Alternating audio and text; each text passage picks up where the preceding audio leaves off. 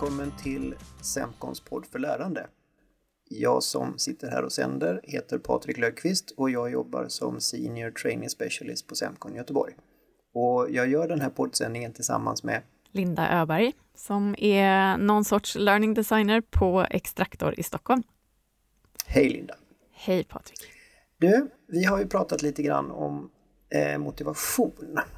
Mm. Eh, och det tänkte jag att vi skulle prata om idag, den här kvarten som vi har framför oss. Vad är det som gör att du egentligen går upp på morgnarna? Vad motiverar dig? Ja, alltså det beror ju lite på vilket sammanhang man menar. Eh, menar du gå till jobbet eller eh, att, att, träna eller att borsta tänderna? Ja, det är väl som, vad är det som får dig att göra det som du kanske borde men inte nödvändigtvis vill? Ja, um, det kan ju för många vara träning till exempel. Uh, mm. Men jag gör ju det för att, för att jag tycker det är roligt, för träningens ja. skull. Ja. Uh, sen kan det vara vissa dagar som det är tradigt och då, då går jag liksom till klubben för att träffa mina kompisar. Så då är det det som är motivationen. Okay. Men um, vad motiverar dig att träna? Ah, ingenting egentligen. Jag tycker det är svintråkigt. Jag måste ha ett jättetydligt mål utöver träningen i sig. Så jag har ju min cykel som jag tar mig till Semcon fram och tillbaka med. Men eh, hade jag bara liksom gått ut och cyklat för att jag skulle ut och cykla, då tror jag inte jag hade gjort det. Nej, okej. Okay. Har, du, eh, har, du, har du någon sorts träningsapp som hjälper och motiverar eller? Alltså vi hade det. Vi, vi, eh, på Semcon, vi är olika affärsområden på Semcon och där hade vi ett affärsområde som gjorde en Challenge Cup där man skulle mm. gå steg. För, förra året var väl det. Och, och, då såg jag att jag kunde cykla där istället för att gå steg. Mm. Och det tyckte jag var jättebra för då liksom, jag såg vad andra gjorde, man hade typ som en stig man skulle gå ifrån eh, eh, jag tror att man skulle gå ifrån Göteborg till Stockholm och så såg man hur hela avdelningen då knallade iväg och det totala antalet visade sig. Så det, det var Nej, men det var fräckt. Det var liksom fräcka leaderboards. Man, kunde, man, man var en egen liten figur som gick där på den här stigen och det, det var jättetufft tyckte jag. Ah. Så det var bra för mig. Ja, det kan man ju säga ett exempel på, på gamification eller, eller svenska ordet spelifiering som, som liksom höjer motiveringen att, eh, eller motivationen snarare, för att, för att träna. Mm. Eh, men nu pratar vi om motivation för träning. Kan, kan man få till samma resultat genom att använda gamification för lärande och finns det forskning som stödjer det? Ja, det skulle vi kunna dyka ner lite på eh, tänker jag. Men innan vi gör det så måste vi ju göra lite definitioner och då, hur skulle du säga att vi ska definiera gamification? Ja, man, man brukar väl säga att det handlar om att använda del, delar eller element från spel och spelsammanhang, fast i helt andra sammanhang. Typ mm. badges och poäng och eh, du har säkert fler exempel. Ja, men man har socialt erkännande, man vill ju vinna. Det är ju inte helt oväsentligt när man pratar spel och spelsammanhang.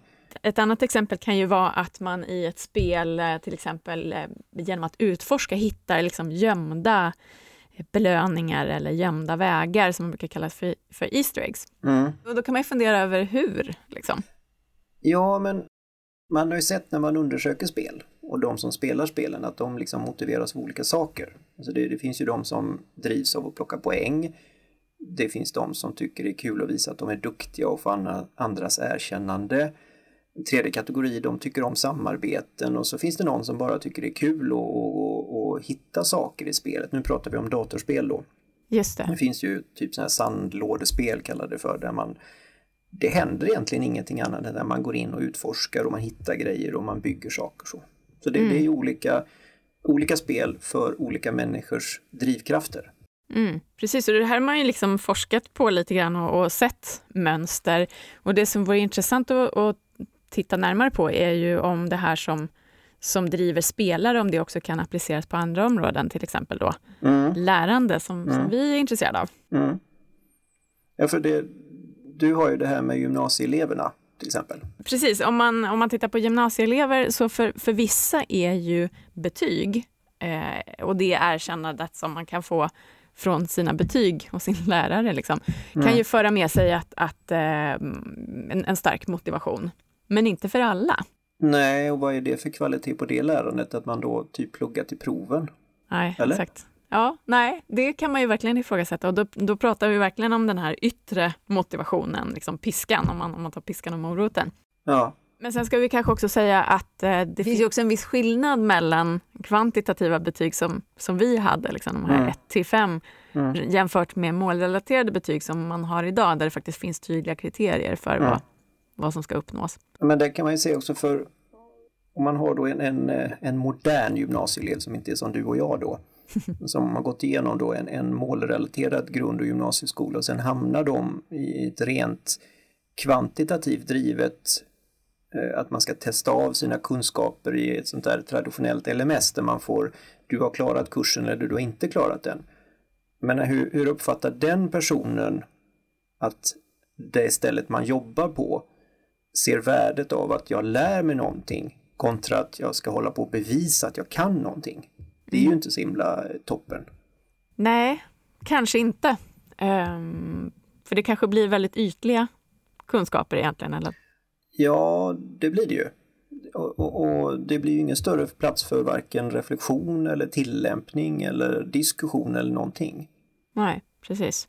Nej, för man premierar kanske lite fel, fel saker.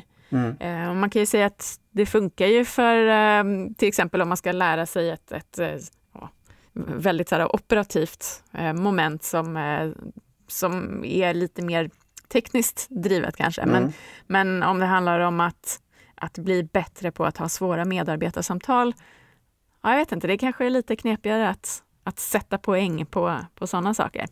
Men då undrar man så här, vad har, vad har det här med gamification eller spelifiering att göra då?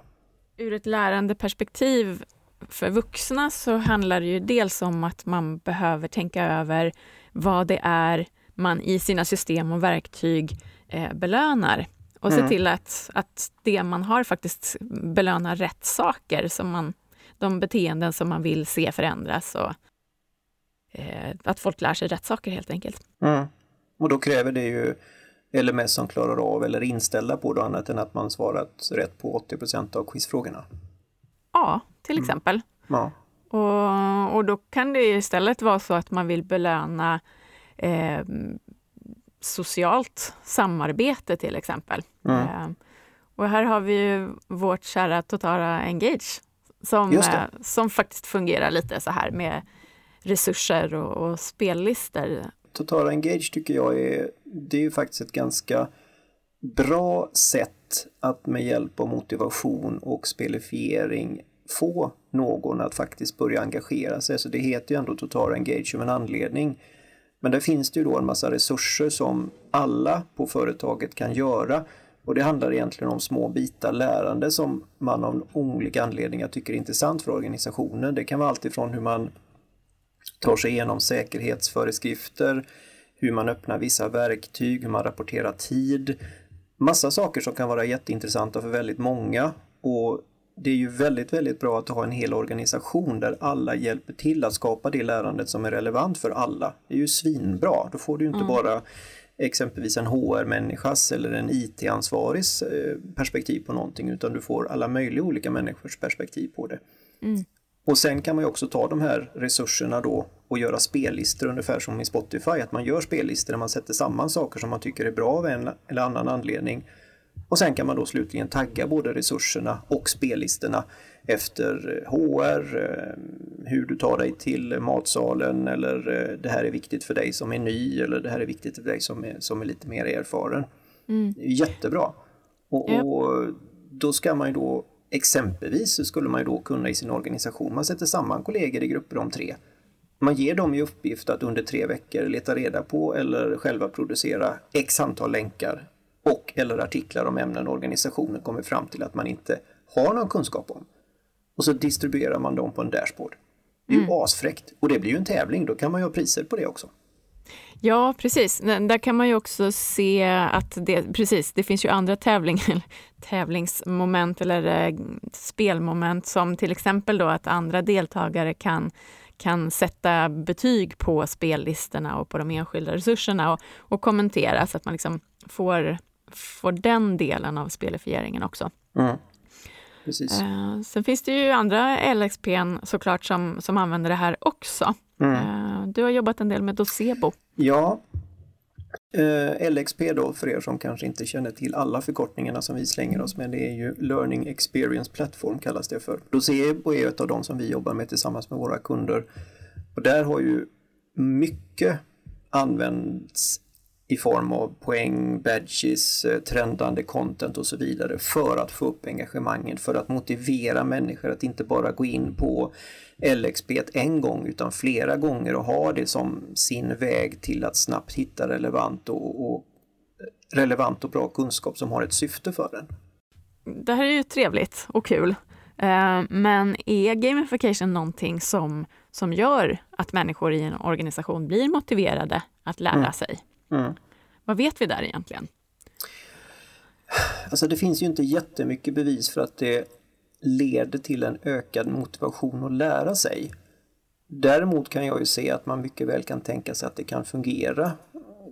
Du som har lyssnat kan ju fundera själv. Tyckte du att exemplet om, om exempelvis resources och spellistor på Total Engage, verkar det kul eller verkar det helt värdelöst? Mm. Ja men verkar det kul, då är det väl förmodligen så att det finns någonting i dig, någonting som triggar dig som gör att du skulle vilja testa.